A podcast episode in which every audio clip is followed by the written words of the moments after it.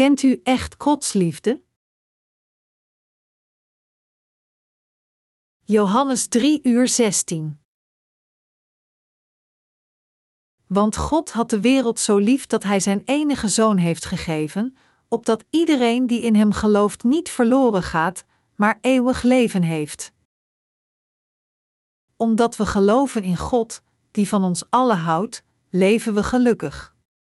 Zelfs vandaag werken we voor God terwijl we Hem dienen en het evangelie van het water en de geest prediken. Hadden we niet Gods liefde gekend, dan hadden we keus gehad dan donkere en lege levens te leiden. En we zouden niet in staat zijn het evangelie van het water en de geest in vreugde te verspreiden. Zonder Gods liefde te kennen, zou het te moeilijk zijn voor ons om voor Hem te werken. Als we Gods woord lezen, wat beseffen we ons dan? Dan realiseren we ons dat God van ons houdt, en omdat we dit weten, kunnen we onze levens iedere dag krachtig leven door op deze liefde te vertrouwen. Onze harten lopen over met vreugde omdat de liefde van God in onze harten is. Omdat Gods liefde voor de rechtvaardigen zo groot is, hebben wij ons met deze liefde bekleed, en we hebben ook een liefdevol hart voor alle zondaars. God heeft een liefdevol hart voor ons. De apostel Johannes verklaarde: Wij hebben lief omdat God ons het eerst heeft liefgehad. 1 Johannes 4 uur 19. Wij zijn bij God gekomen omdat we Zijn liefde door het evangelische woord van het water en de geest ontvangen. Omdat we nu van God houden, kunnen we ook deze liefde aan anderen verspreiden. Als we echt niet Gods liefde kennen, zouden we niet, alleen niet in staat zijn gered te worden van deze zondige wereld, maar we zouden ook niet het eeuwige leven ontvangen. Als we geloven in het evangelie van het water en het bloed, de vrucht van Gods liefde, kunnen we de vergeving van onze zonden ontvangen en zijn liefde van zaligmaking ook aan anderen verspreiden. Leo Tolstoy, een literaire gigant van Rusland, liet ons een beroemde titel waardoor de mensen leven achter waar leven we voor? Het is door Gods liefde dat ieder van ons leeft. God heeft een liefdevol hart voor ons, en in feite vervulde Hij deze liefde door het evangelie van het water en de geest en heeft Hij dit voor eeuwig aan ons geschonken. Ik vraag het u opnieuw. Waar leven onze zielen voor? Het is door de liefde van God dat onze zielen leven. Door welke kracht prediken wij het evangelie van het water en de geest en dienen de Heer? Het is door de kracht van Gods liefde voor ons dat we het evangelie van het water en de geest dienen en prediken. Een dergelijk leven is alleen mogelijk door Gods liefde. Het is niet vanwege het bestaan van de waarheid dat we lief hebben, maar het is omdat we bekleed zijn met deze liefde van waarheid dat we in staat zijn lief te hebben. God had de wereld zo lief. Laat ons kijken naar Johannes 3, 14, 16, een passage die zeer bekend is voor ons. De mensenzoon moet hoog verheven worden, zoals Mozes in de woestijn de slang omhoog geheven heeft, opdat iedereen die gelooft, in hem eeuwig leven heeft. Want God had de wereld zo lief dat Hij zijn enige zoon heeft gegeven, opdat iedereen die in hem gelooft niet verloren gaat, maar eeuwig leeft. Als er niet deze passage van Johannes 3, 14, 16 was geweest, dan hadden we waarschijnlijk niet zijn liefde en de genade van zaligmaking volledig gekend, en zelfs diegenen die al gered zijn door het water en de geest zouden geconcludeerd kunnen hebben dat het onbelangrijk is in Jezus te geloven. Toen God ons maakte, deed Hij dit met de bedoeling van Zijn liefde. Hij beschouwde ons als de objecten van Zijn liefde. Toen God ons creëerde, creëerde Hij ons zodat Hij oprecht van ons kon houden. Hoewel het waar is dat engelen geestelijke wezens zijn, zijn zij alleen gecreëerd om de heilige God te dienen. Zij zijn niet Gods mensen. Wij menselijke wezens zijn anders gemaakt dan deze engelen. Wij zijn gemaakt als het object van Gods liefde. Als de engelen werden gemaakt als de objecten die God aanbidden en zijn kinderen dienen, dan zijn u en ik, alle menselijke wezens, gemaakt als de objecten aan welke God zijn liefde zou schenken. Eenvoudig gezegd, de engelen werden gecreëerd zodat God hen kon gebruiken, maar de mensheid werd duidelijk gecreëerd om samen met God van de glorie te genieten. Als we kinderen hebben, nemen we hen als ons eigen vlees en bloed, en we willen van hen houden en hen koesteren. God maakte ons net zo. Het is door de genade van God dat we leven compleet gered van onze zonden. Aan iedereen, God heeft zijn onvoorwaardelijke liefde dat de gelovigen van alle zonden red gegeven. Onze Heer vertelt ons: Gelooft u dat ik van u houd? Omdat ik van jullie houd, werd ik gedoopt en vergoot ik mijn bloed aan het kruis tot de dood. Daarna verrees ik weer van de dood, en op deze manier heb ik jullie gered. Door van jullie te houden met het evangelie van het water en de geest, heb ik jullie tot mijn eigen kinderen gemaakt, omdat wij Gods liefde hebben ontvangen door te geloven in het evangelie van het water en de geest, leiden wij een leven dat zijn evangelie dient, ongeacht welke moeilijkheden we tegenkomen. Wij verdragen dit door geloof en we blijven het evangelie vurig dienen. Nu leven, u en ik en ieder van ons, door ons geloof in Gods liefde te plaatsen. De kracht voor ons om het martelaarschap moedig te omarmen voor God, komt ook van ons geloof in het feit dat de Heer van ons houdt. De kracht zodat wij de Heer kunnen dienen, komt ook helemaal van Zijn liefde. We zijn ook vastberaden het evangelie van het water en de geest tot het einde van deze wereld te prediken, omdat wij weten en geloven dat Hij van ons houdt. Het is omdat wij geloven in Gods liefde dat we kunnen leven in Zijn kerk tot het eind der tijden. De Heer getuigt Zijn liefde voor ons met het evangelie van het water en de geest. De ware liefde van God wordt volledig geopenbaard in het evangelie van waarheid, het evangelie van het water en de geest dat ons van de zonde van de wereld redt. Het is ook vanwege Gods liefde dat onze relaties goed onderhouden worden en we elkaar vertrouwen en koesteren. Het is net zoals de rol van de banden en de koorden die elke pilaar combineren in een sterke constructie voor het hek van de tabernakel, Exodus 27, 17, 19. Hoewel we individueel zwak zijn, kunnen we de werken van God moedig verenigen doen met de andere heiligen in zijn kerk, want we hebben de liefde van God in onze harten. Op eigen kracht is het onmogelijk voor ons iets geestelijks te doen of de Heer te dienen. Het komt alleen door de liefde van de Heer dat we iets kunnen doen. Het is omdat we geloven in Gods liefde dat we de Heer in vreugde dienen.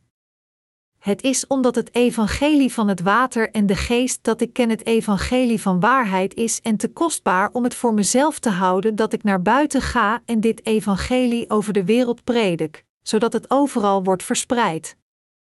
Als we Gods liefde niet kennen, zullen we het beschouwen als een soort van plicht of een keten opgedrongen aan ons, en zullen we verre van dankbaar zijn. Dan zouden we niet in staat zijn iets voor God te doen, ongeacht welk kostbaar en waardevol werk Hij ons geeft. Als we geen verlangen ernaar hebben, hoe kan God ons dan verzoeken Zijn liefde te accepteren? U kunt een paard naar het water brengen, maar u kunt het niet dwingen om te drinken. Net zo, als we niet geloven in Gods liefde en het afwijzen, dan kan God ons nooit redden. Het is vanwege onze liefde voor God dat we Zijn werk doen, ons plichtsgevoel alleen kan dat niet mogelijk maken.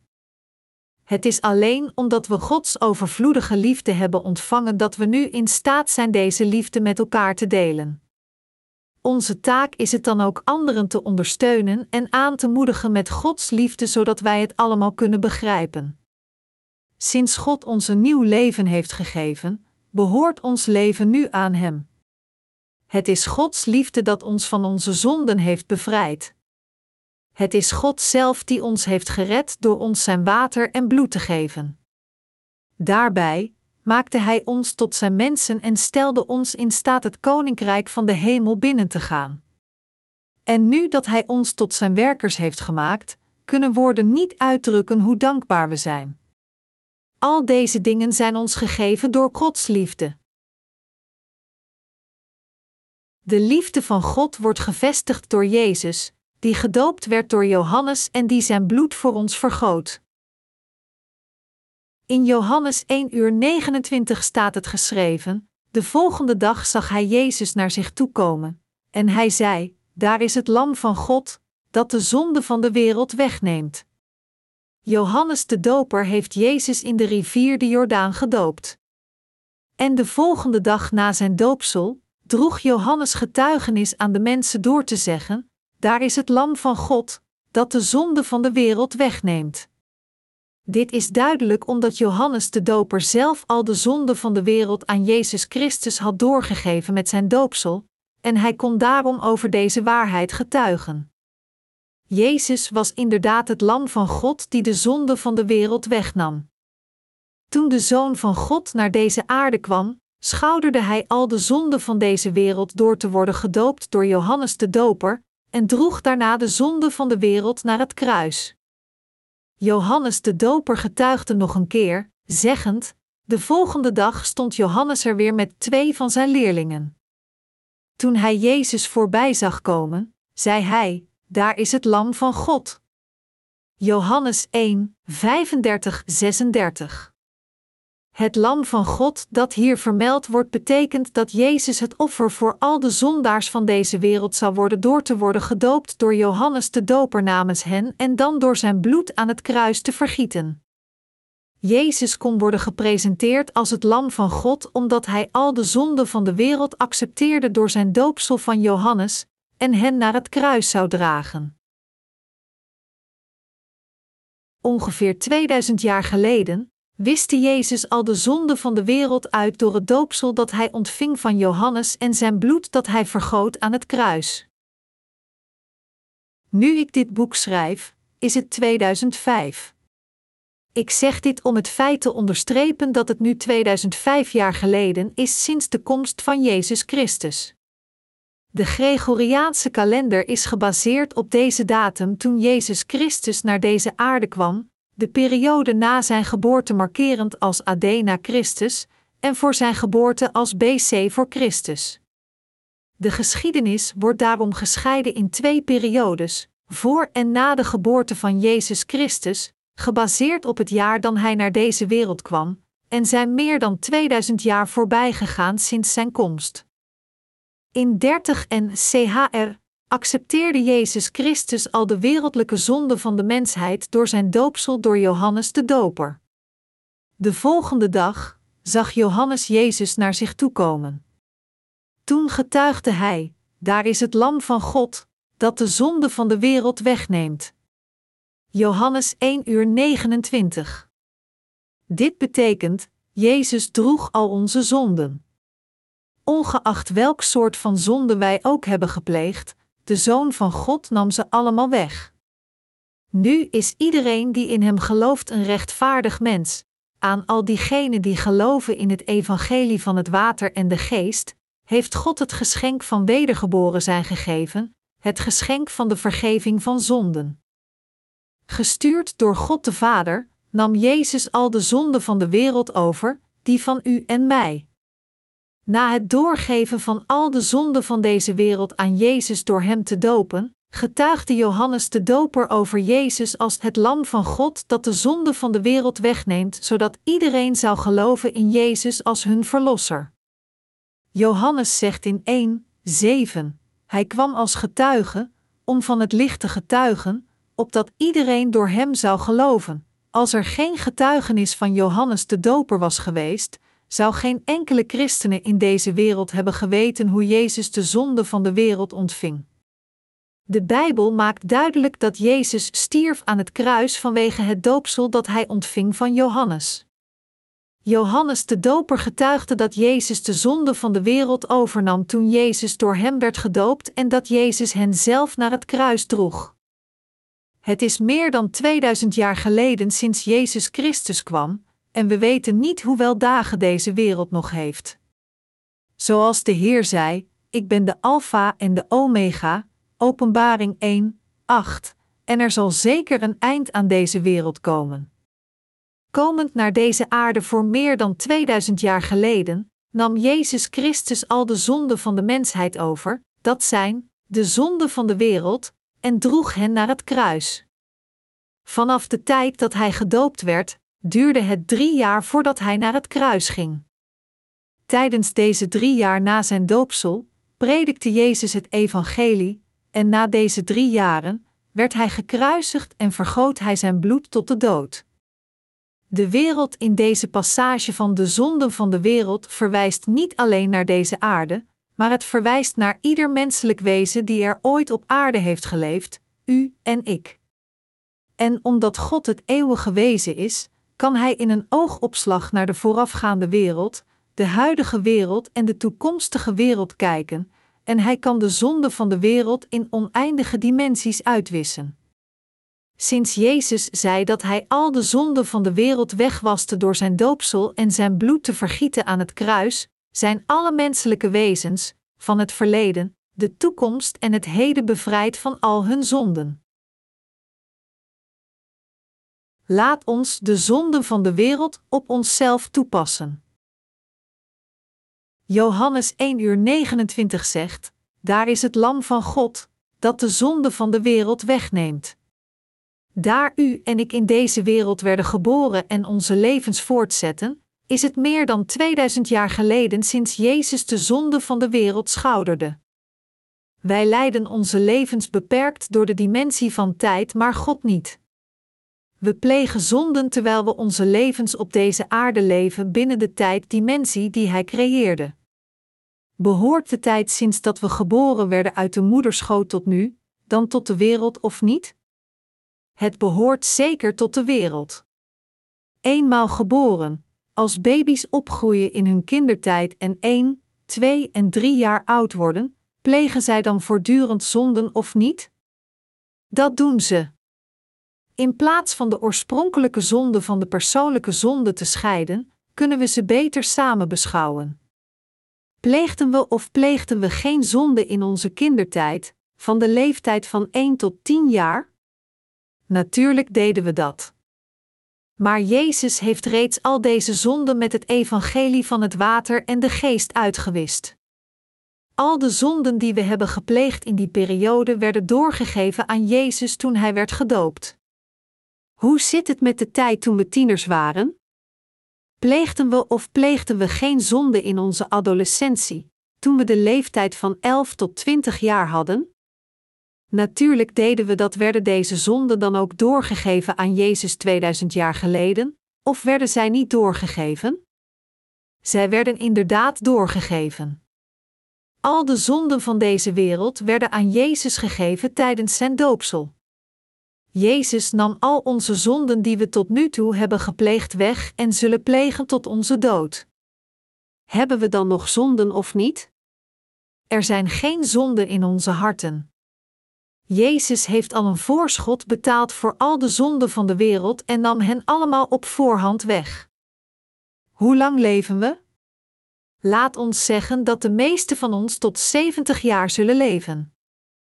Laten we aannemen dat we nu 20 jaar oud zijn, en we al de zonden die we nog zouden plegen voor de komende 50 jaar van onze resterende levens wegen. Hoe zwaar zouden al deze zonden zijn? Als u op de een of andere manier uw zonde kon wegen, dan zouden zij zo zwaar zijn dat we honderden vuilniswagens nodig zouden hebben om hen te laden. Uw zonden kunnen alleen zwaarder worden, maar nooit lichter. Ongeacht of het met uw daden of uw harten is dat u deze zonden pleegt, zij zijn ongelooflijk zwaar. Door zijn doopsel nam Jezus voor eens en altijd al de zonden van deze wereld over.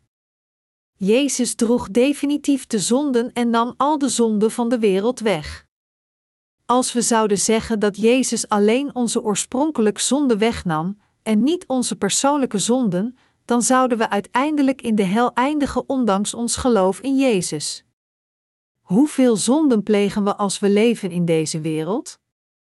Zijn al deze zonden ingesloten in de zonden van de wereld of niet? Natuurlijk, zij behoren allemaal tot de zonden van de wereld.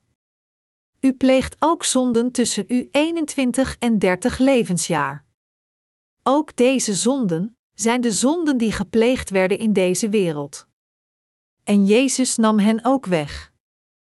Laat ons zeggen dat we 50 jaar oud zijn. Heeft Jezus of heeft Hij niet al de zonden die we hebben gepleegd in deze wereld tot nu toe verzoend? Natuurlijk deed hij dat. Hij zit het met de zonden gepleegd door onze kinderen terwijl zij ouder worden in de toekomst. Al deze zonden werden ook doorgegeven aan Jezus toen hij werd gedoopt door Johannes de Doper. Hij de ware Jezus die al de zonden van de mensheid heeft uitgewist. Door deze ene man, de vertegenwoordiger van de mensheid, werd de Verlosser gedoopt, en door dit doopsel legde hij al de zonden van de mensheid op zichzelf, al de zonden van deze wereld en door te sterven aan het kruis, bevrijdde hij iedereen van de slavernij van zonden. De Heer, met andere woorden, heeft al onze zonden verzoend. Om een dergelijke grote missie te vervullen, moest God de juiste dienaar sturen die zijn weg recht zou maken en feitelijk de grote rol van het doorgeven van al de zonden van de wereld aan Jezus moest vervullen. Anders gezegd, de Heer had een vertegenwoordiger van heel de mensheid nodig die zijn handen op zijn hoofd zou leggen. Dit is waarom God de Vader Johannes de Doper stuurde voor Jezus, en zei in Matthäus 3 uur 15: Laat het nu maar gebeuren, want het is goed dat we op deze manier Gods gerechtigheid vervullen, Johannes de Doper bevelend hem te dopen. Toen kwam Jezus zelf naar deze wereld en werd gedoopt door deze dienaar van God, Johannes de Doper. Mijn medegelovigen, het is omdat Johannes de Doper al de zonde van de wereld aan Jezus heeft doorgegeven door zijn doopsel dat wij gered zijn door in deze Jezus Christus te geloven. Hebben nu of ik zonden of niet? Wij hebben geen zonden. Werden onze zonden doorgegeven aan Jezus door zijn doopsel? Zij werden inderdaad doorgegeven. Toen Jezus al de zonden van de wereld had verzoend door zijn doopsel en dood, wie kan dan beweren dat er nog steeds zonden zijn in deze wereld? Ieder van ons kan daarom worden gered als we geloven in de kern van onze harten wat Johannes de Doper en Jezus voor ons deden. Door te worden gedoopt, accepteerde Jezus al de zonden van de wereld die ieder van ons heeft en zal plegen tot de dag dat we sterven. En hij droeg deze zonde van de wereld naar het kruis en vergoot zijn bloed voor ons om hen af te betalen. Door al deze dingen heeft hij al onze zonden uitgewist. Ik heb voor meer dan een halve eeuw geleefd. Terugblikkend heb ik een zeer gevarieerd en interessant leven geleefd. Ik weet zeker dat er velen onder u zijn die allerlei soorten van voor- en tegenspoed hebben ervaren in uw levens. Er zijn genoeg andere mensen die een moeilijk leven hebben geleid. Al deze levens zijn als een eendaagsvlieg voor God. Mijn medegelovigen, hoe kunnen mensen het evangelie van de hemel begrijpen dat Jezus heeft vervuld door zijn doopsel en bloed? Laat ons een eendagsvlieg als voorbeeld nemen. Hoeveel uren zitten er in het leven van een eendagsvlieg? Ze zeggen dat de volwassen eendagsvlieg zeer kort leeft, van enkele uren tot een paar dagen afhangend van de soort, maar de naam eendagsvlieg schetst in deze de essentie van hun kortstondig bestaan. Laat ons zeggen dat ze allemaal een dag leven, voor mijn uiteenzetting, ondanks dat sommige eendagsvliegen langer leven dan een dag. Tegen de tijd dat de eendagsvlieg voor 12 uren heeft geleefd van zijn 24 uur dat hij leeft, hoeveel verhalen zou hij dan kunnen vertellen, sinds de helft van zijn hele leven al voorbij is? Laat ons zeggen, zij begonnen met hun leven rond middernacht, en nu is het zes uur in de avond, dan hebben zij al drie vijfde van hun levenstijd verbruikt, en zij arriveren al aan hun ouderdom. Laat ons zeggen dat deze eendagsvliegen samenkomen in die tijd. Dan aanschouwen zij al hun schemering. Diegenen die feitelijk 24 uur leven, hebben een lange tijd volgehouden, anderen zijn misschien gestorven in 20 uur, zeggend: Ik ga eerst, terwijl anderen nog een paar uur hebben volgehouden. We kunnen ons voorstellen dat zij zouden praten over vroeger met hun vrienden terugkijkend op hun kindertijd, hoewel het vanuit ons oogpunt allemaal op een dag gebeurde. Toen zij stierven, dachten zij waarschijnlijk dat de kleine, onbelangrijke dingen die zij hebben ervaren in een dag plaatsvonden in hun hele lange leven. Maar hoe is het als wij naar hen kijken? Vanuit ons perspectief leven menselijke wezens ongeveer 70 of 80 jaar, zou het leven van deze eendagsvliegen dan niet onbeduidend voor ons zijn? Als we op de een of andere manier naar hun gesprekken konden luisteren, dan zou het lachwekkend voor ons zijn. Echter, voor God zijn wij precies als deze eendagsvliegen. God is het eeuwige wezen. Hij bestond al voordat Hij ons schiep. Bestaand in deze eeuwige tijd kijkt God naar ons. Vanuit zijn eeuwige tijddimensie kwam Hij zelf naar deze aarde in onze tijdelijke dimensie, nam al de zonden van de mensheid, al de zonden van de wereld, en bij de nadering van zijn dood aan het kruis verklaarde Hij: Het is volbracht. Hij verrees weer in drie dagen van de dood en steeg op naar de hemel, de eeuwige wereld. Hij verblijft nu in de eeuwige tijd en kijkt naar ons mensen. Laat ons deze waarheid toepassen op het leven van een mens. De mens denkt: ik ben pas 30 jaar oud en ik heb al veel te veel zonde gepleegd. Het is zo afschuwelijk en vreselijk, hoe kan ik ooit worden vergeven? Maar onze Heer, die verblijft in de eeuwige tijd, zegt tegen hem: Hou je mij nu voor de gek? Neem je aan dat ik alleen de zonde wegnam die je pleegde tot je 25ste jaar, of de zonden die je pleegde tot je 30 werd? Denk je dat dit alles is dat ik wegnam? Nee. Ik nam al de zonden van de wereld weg. Kun je dit nu zien? Door mijn doopsel accepteerde ik al de zonden van ieder menselijk wezen die ooit leefde en ooit zal leven in deze wereld op mijn lichaam, van Adam de eerste mens tot de laatste mens die zal leven in de eindtijd, van uw kinderen en de generaties na hen, verblijvend is zijn eeuwige tijd. Vertelt onze Heer ons dit. Hij zegt tegen ons: Ik heb al uw zonden verzoend en ook al de zonden van de wereld. Jezus heeft het evangelie van het water en de geest dat de zondaars van de wereld van El hun zonde redt compleet volbracht. Laat ons kijken naar Johannes 19, 17, 20. Hij droeg zelf het kruis naar de zogeheten schedelplaats, in het Hebreeuws Golgotha. Daar kruisigden zij hem, met twee anderen, aan weerskanten één, en Jezus in het midden. Pilatus had een inscriptie laten maken die op het kruis bevestigd werd. Er stond op Jezus uit Nazareth, koning van de Joden. Het stond er in het Hebreeuws, het Latijn en het Grieks, en omdat de plek waar Jezus gekruisigd werd dicht bij de stad lag, werd deze inscriptie door veel Joden gelezen. Jezus werd gekruisigd op de heuvel Golgotha. Volgens de geschriften werd hij gekruisigd om negen uur in de morgen en hartverscheurend gekweld voor zes uren aan het kruis. Toen hij op het punt stond om te sterven, zei hij: Ik heb dorst. Toen vulden mensen een spons met zure wijn, staken deze op hyssop en stopten dat in zijn mond. Na de ontvangst van de zure wijn, zei hij: Het is volbracht. En gaf de geest, Johannes 19, 28:30.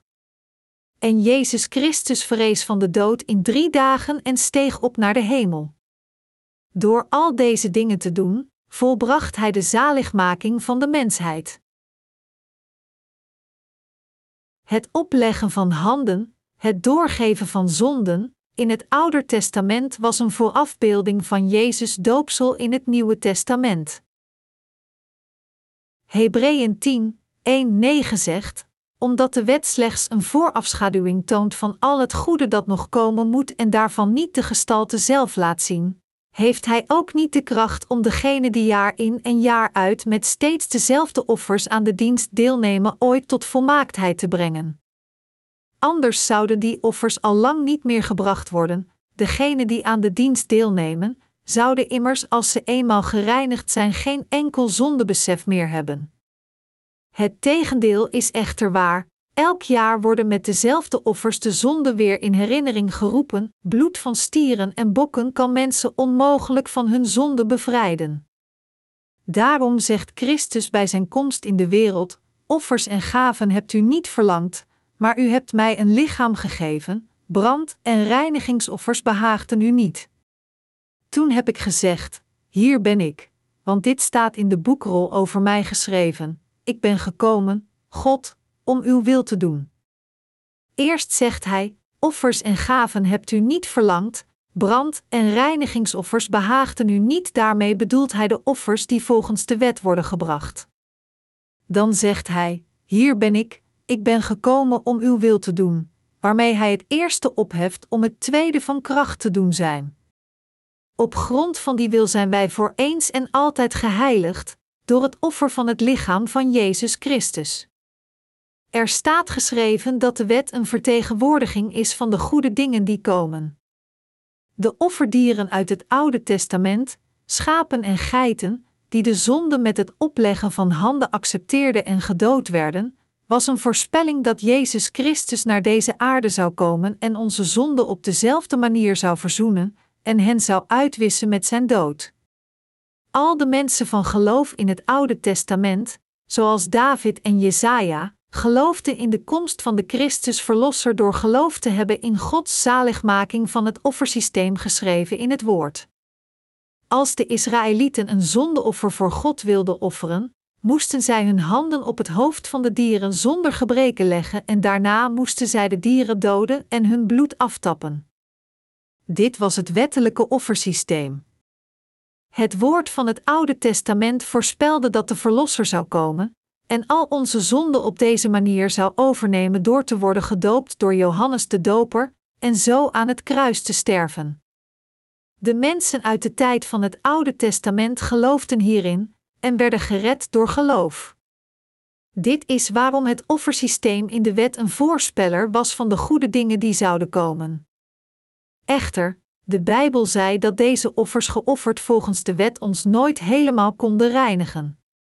Om iedere dag een offer te geven wanneer we zonde gehoud in het brengen van een dier, het doorgeven van zonde door het opleggen van handen op het dier en het te slachten, en dit weer morgen opnieuw te doen, dit kon ons nooit perfect maken. Dit is waarom de Zoon van God, de perfecte, eeuwige en zondeloze ene, zelf naar deze wereld kwam. Komend naar deze aarde, zei hij, daarom zegt Christus bij zijn komst in de wereld: Offers en gaven hebt u niet verlangd, maar u hebt mij een lichaam gegeven, brand- en reinigingsoffers behaagden u niet. Toen heb ik gezegd: Hier ben ik, want staat in de boekrol over mij geschreven: Ik ben gekomen, God, om uw wil te doen. Eerst zegt hij: Offers en gaven hebt u niet verlangd, brand- en reinigingsoffers behaagden u niet, daarmee bedoelt hij de offers die volgens de wet werden gebracht.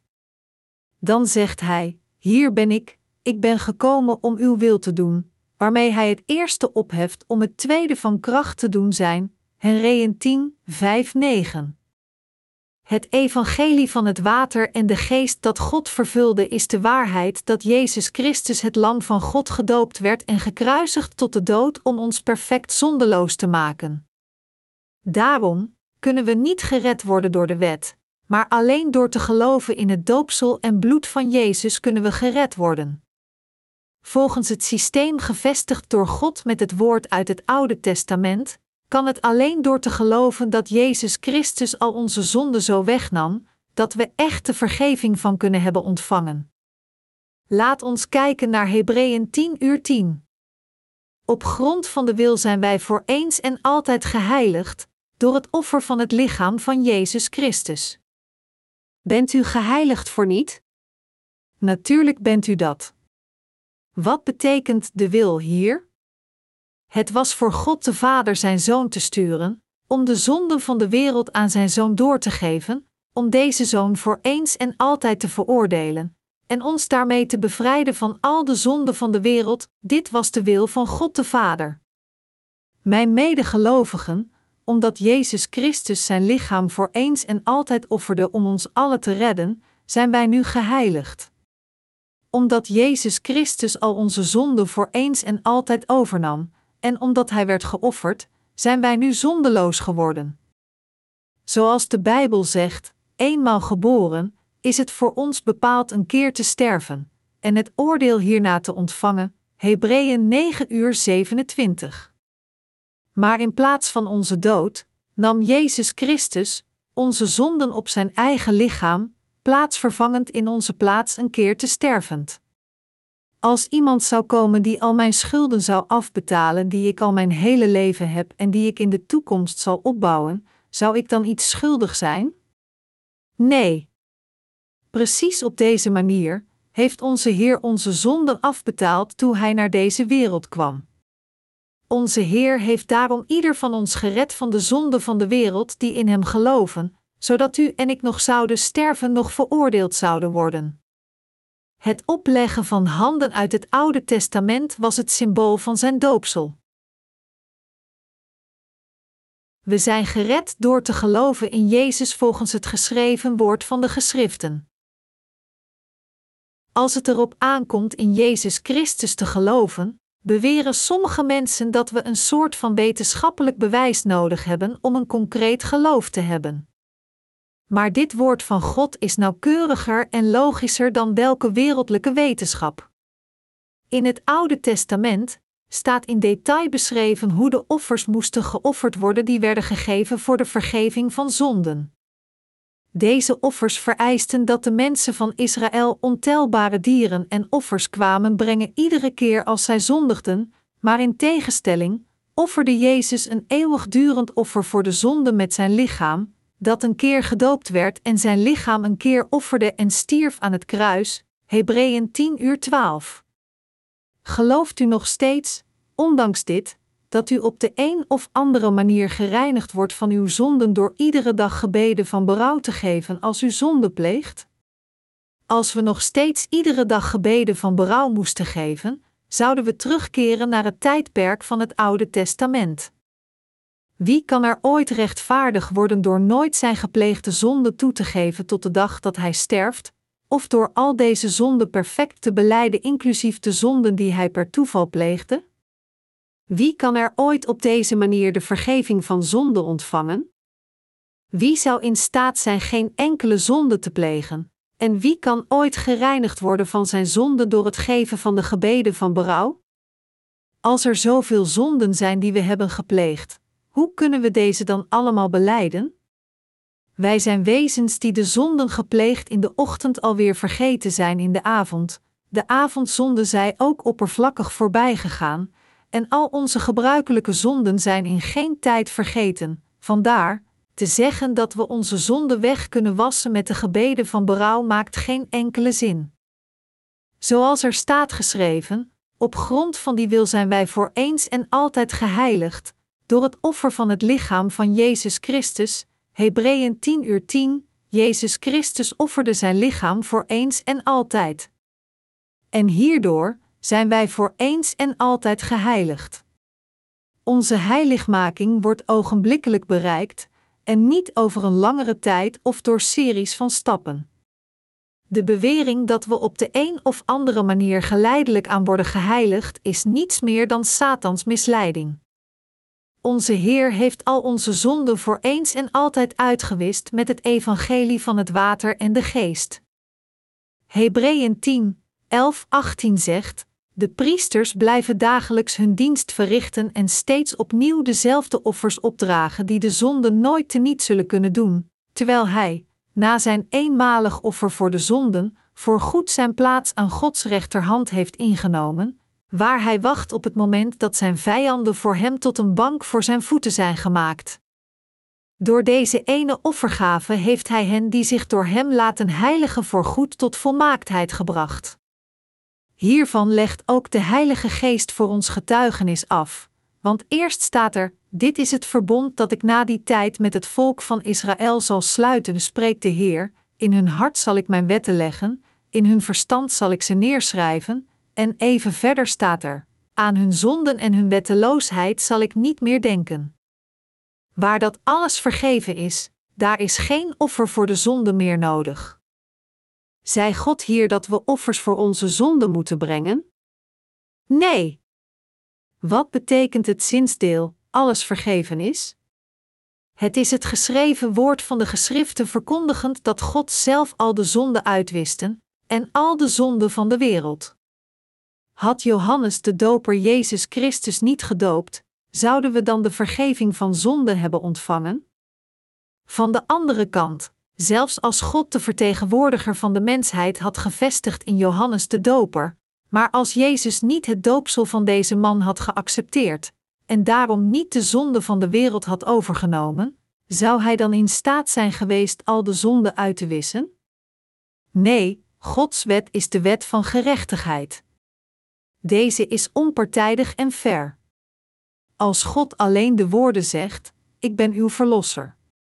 Ik heb al uw zonden vergeven. Ik ben uw Messias, dit alleen betekent niet dat onze zaligmaking volbracht is. Hij moest feitelijk al onze zonden overnemen. Waarom kwam Jezus en incarneerde in het vlees van de mens? Dat was om al onze zonden door zijn doopsel te dragen, om al de zonden die we plegen in beide ons vlees en onze harten, want hij kende hen al, uit te wissen met zijn bloedvergieten, dat hij naar deze wereld kwam en incarneerde in hetzelfde vlees als dat van ons. Mijn medegelovigen, was Jezus Christus niet gedoopt door Johannes de Doper, dan zouden onze zonden niet volledig verzoend zijn. En was Jezus gestorven aan het kruis zonder als eerste al onze zonden op zich te nemen, dan zou zijn dood compleet nutteloos zijn geweest. Deze dood zou dan compleet nutteloos en irrelevant voor ons zijn geweest.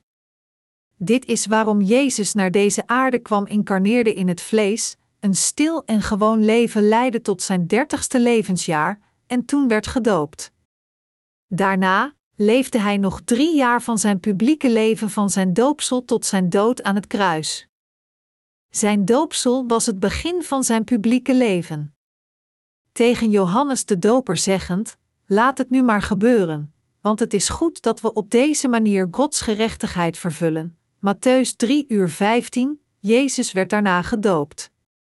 Het was vanaf dit moment dat de passage van Johannes 1 uur 29 Daar is het lam van God, dat de zonde van de wereld wegneemt. Werd vervuld. Omdat Jezus al onze zonden had geaccepteerd door te worden gedoopt, en omdat al deze zonden van ons, iedere zonde van de mensheid, compleet werden doorgegeven aan het lichaam van Jezus, draaide God de Vader zelf zijn ogen weg toen zijn zoon stierf aan het kruis. Zelfs God de Vader kon het niet verdragen zijn eigen zoon te zien sterven, maar omdat hij niet verkoos zijn zoon te redden die nu al de zonde van de wereld schouderde van zijn zekere dood, kon de Vader niet anders dan hem te laten sterven. Dit is waarom de duisternis over het land kwam voor drie uren voordat Jezus zijn laatste adem uitblies, want God had zijn gezicht weggedraaid. Op het hoogtepunt van zijn ellendige dood schreeuwde Jezus zelf uit: Eli, Eli, lema sabachthani, dat wil zeggen: Mijn God, mijn God, waarom hebt u mij verlaten? Matthäus 27, 45, 46. Jezus heeft de zonden van de wereld in onze plaats gedragen en werd gestraft en veroordeeld aan het kruis in onze plaats. Dit is hoe Hij u en mij heeft gered. Kunt u dit nu begrijpen? Gelooft u nu? Was Jezus Christus niet gedoopt geworden door Johannes de Doper, en had hij niet de zonde van de wereld geaccepteerd, dan was hij niet veroordeeld geworden. Er was geen reden voor dat Jezus Christus aan het kruis moest sterven, want hij had onze zonde niet overgenomen van Johannes de Doper, die de vertegenwoordiger van heel de mensheid was voorbereid door God. Dit is waarom, sprekend over Johannes de Doper, Jezus zei: Waar zijn jullie in de woestijn naar gaan kijken? Naar het wuiven van het riet in de wind? Wat zijn jullie dan gaan zien? Een mens die rijk gekleed ging? Wel nee, wie rijk gekleed is, verkeert in koninklijke kringen, Matthäus 11, 7, 8, en ging verder. Maar wat zijn jullie dan wel gaan zien? Een profeet? Jazeker, zeg ik jullie, en zelfs meer dan een profeet, Matthäus 11, 9. Jezus verklaarde ook: Ik verzeker jullie, er is onder alle die uit een vrouw geboren zijn nooit iemand opgetreden die groter was dan Johannes de Doper, maar in het koninkrijk van de hemel is de kleinste nog groter dan hij.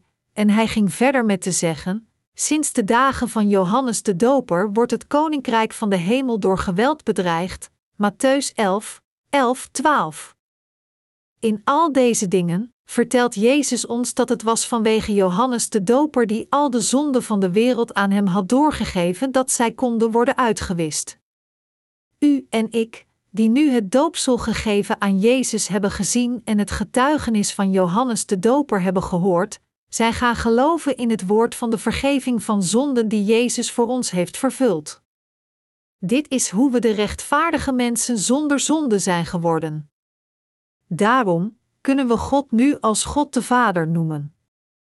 Het staat geschreven: waar dat alles vergeven is, daar is geen offer voor de zonde meer nodig. Hebreeën 10 uur 18. Er zijn geen zonden meer in onze harten. Als uw rekening betaald is, hebben we dan nog steeds schulden?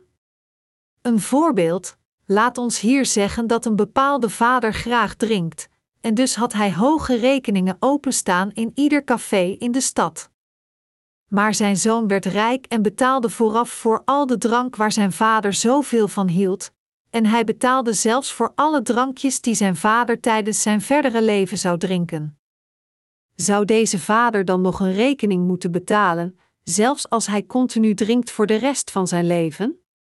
Hij zou geen schulden meer hebben. Dit is natuurlijk alleen een voorbeeld, maar zoals dit voorbeeld gaf God al onze zonden aan Jezus, zodat Hij ons kon redden. Bovendien nam Jezus niet alleen de zonde van ons hele leven over, maar Hij nam al de zonden van de wereld over zonder enige uitzondering. Al onze zonden werden doorgegeven aan Jezus Christus toen Hij werd gedoopt. Zij behoren nu toe aan Jezus. Dat is waarom diegenen die hierin geloven gered zijn van al zijn zonden. Het is omdat Jezus gedoopt werd voor u toen Hij naar deze aarde kwam dat u de vergeving van uw zonden ontving door in dit te geloven. De planeet Aarde was hier lang voordat wij werden geboren. Het is niet zo dat het ging bestaan nadat wij gingen bestaan. Jezus Christus, die onze zonden heeft uitgewist, had reeds voor al onze zonden verzoend lang voordat u en ik werden geboren. Jezus verzoende voor elke zonde die al de ongehoorzame zondaars van deze wereld ooit hebben gepleegd. Mijn medeheiligen, het is omdat de zonden van de wereld allemaal werden doorgegeven aan Jezus dat we nu zondeloos zijn geworden, door te geloven in deze Jezus die het verzoeningsoffer voor al onze zonden werd. Mijn medegelovigen, Hebt u nog steeds zonden? Natuurlijk niet. Hoe zit het met de zonden van morgen, zult u zich afvragen? Al de zonden die u morgen zult plegen zijn ook verzoend door Jezus.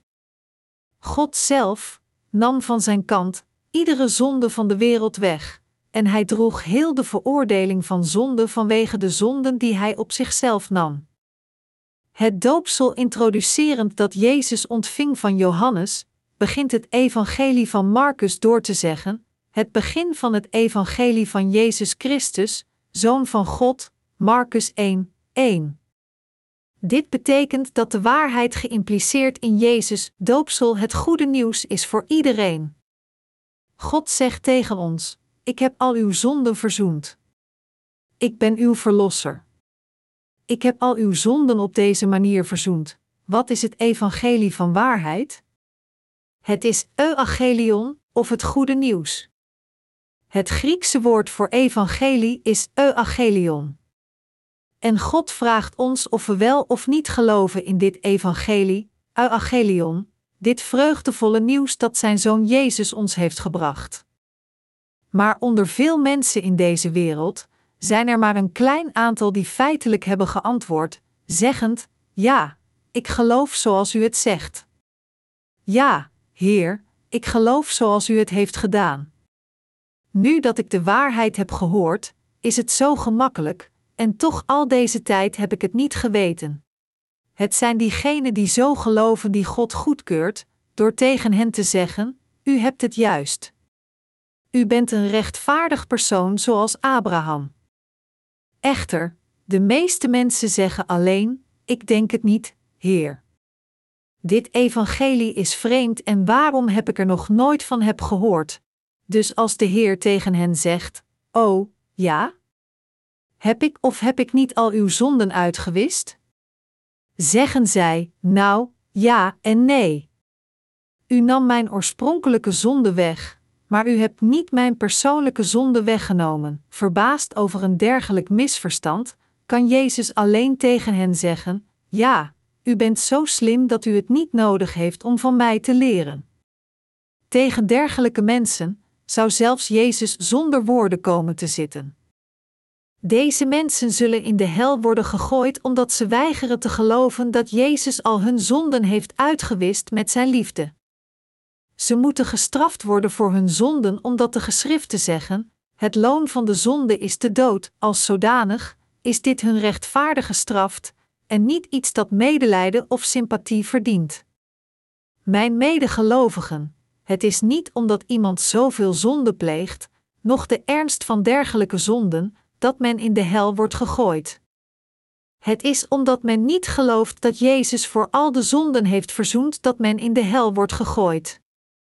Maar diegene die gelooft in het doopsel van Jezus en het kruis kan het koninkrijk van de hemel bereiken door zijn zaligmaking te ontvangen. Had Jezus niet al onze zonden op zichzelf genomen door te worden gedoopt door Johannes de Doper, dan zou ons geloof in Hem ook nutteloos zijn. Het doopsel van Jezus wordt zo vaak genoemd in de brieven van Paulus. Bijvoorbeeld, Galaten 3 uur 27 zegt: U alle die door de doop één met Christus bent geworden, hebt u met Jezus omkleed. Hier betekent gedoopt in Christus, in Jezus Christus te komen door verenigd met Hem te geloven in Zijn doopsel. Het betekent dat al onze zonden werden doorgegeven aan Jezus door de handen van Johannes de Doper, en dit, Kortom, betekent dat al onze zonden werden doorgegeven aan Hem. Daarom, toen Hij stierf, sterven wij ook. En, toen Hij weer van de dood verrees, verrezen wij ook. Romeinen 6, 3 zegt: Weet u niet dat wij die gedoopt zijn in Christus Jezus, zijn gedoopt in zijn dood? Nog een keer, Romeinen 6 uur 10 zegt: hij is gestorven om een einde te maken aan de zonde, voor eens en altijd, en nu hij leeft, leeft hij voor God. En Johannes 1 uur 12 zegt: Wie hem wel ontvingen en in zijn naam geloven, heeft hij het voorrecht gegeven om kinderen van God te worden. Zoals deze passages tonen dat voor al diegenen die in hun harten accepteren wat God voor hen heeft gedaan, heeft hij bevestigd dat zij zijn eigen kinderen zijn geworden. In Colossensen 1, 13, 14 staat geschreven: Hij heeft ons gered uit de macht van de duisternis en ons overgebracht naar het rijk van zijn geliefde zoon, die ons de verlossing heeft gebracht, de vergeving van zonden. Halleluja! God heeft ons gered uit het midden van al onze zonden door het water en het bloed, het evangelie van het water en de geest, en Hij heeft ons wedergeboren laten worden van al onze zonden. Ik lof God voor het feit dat Hij ons allen heeft gered. Halleluja!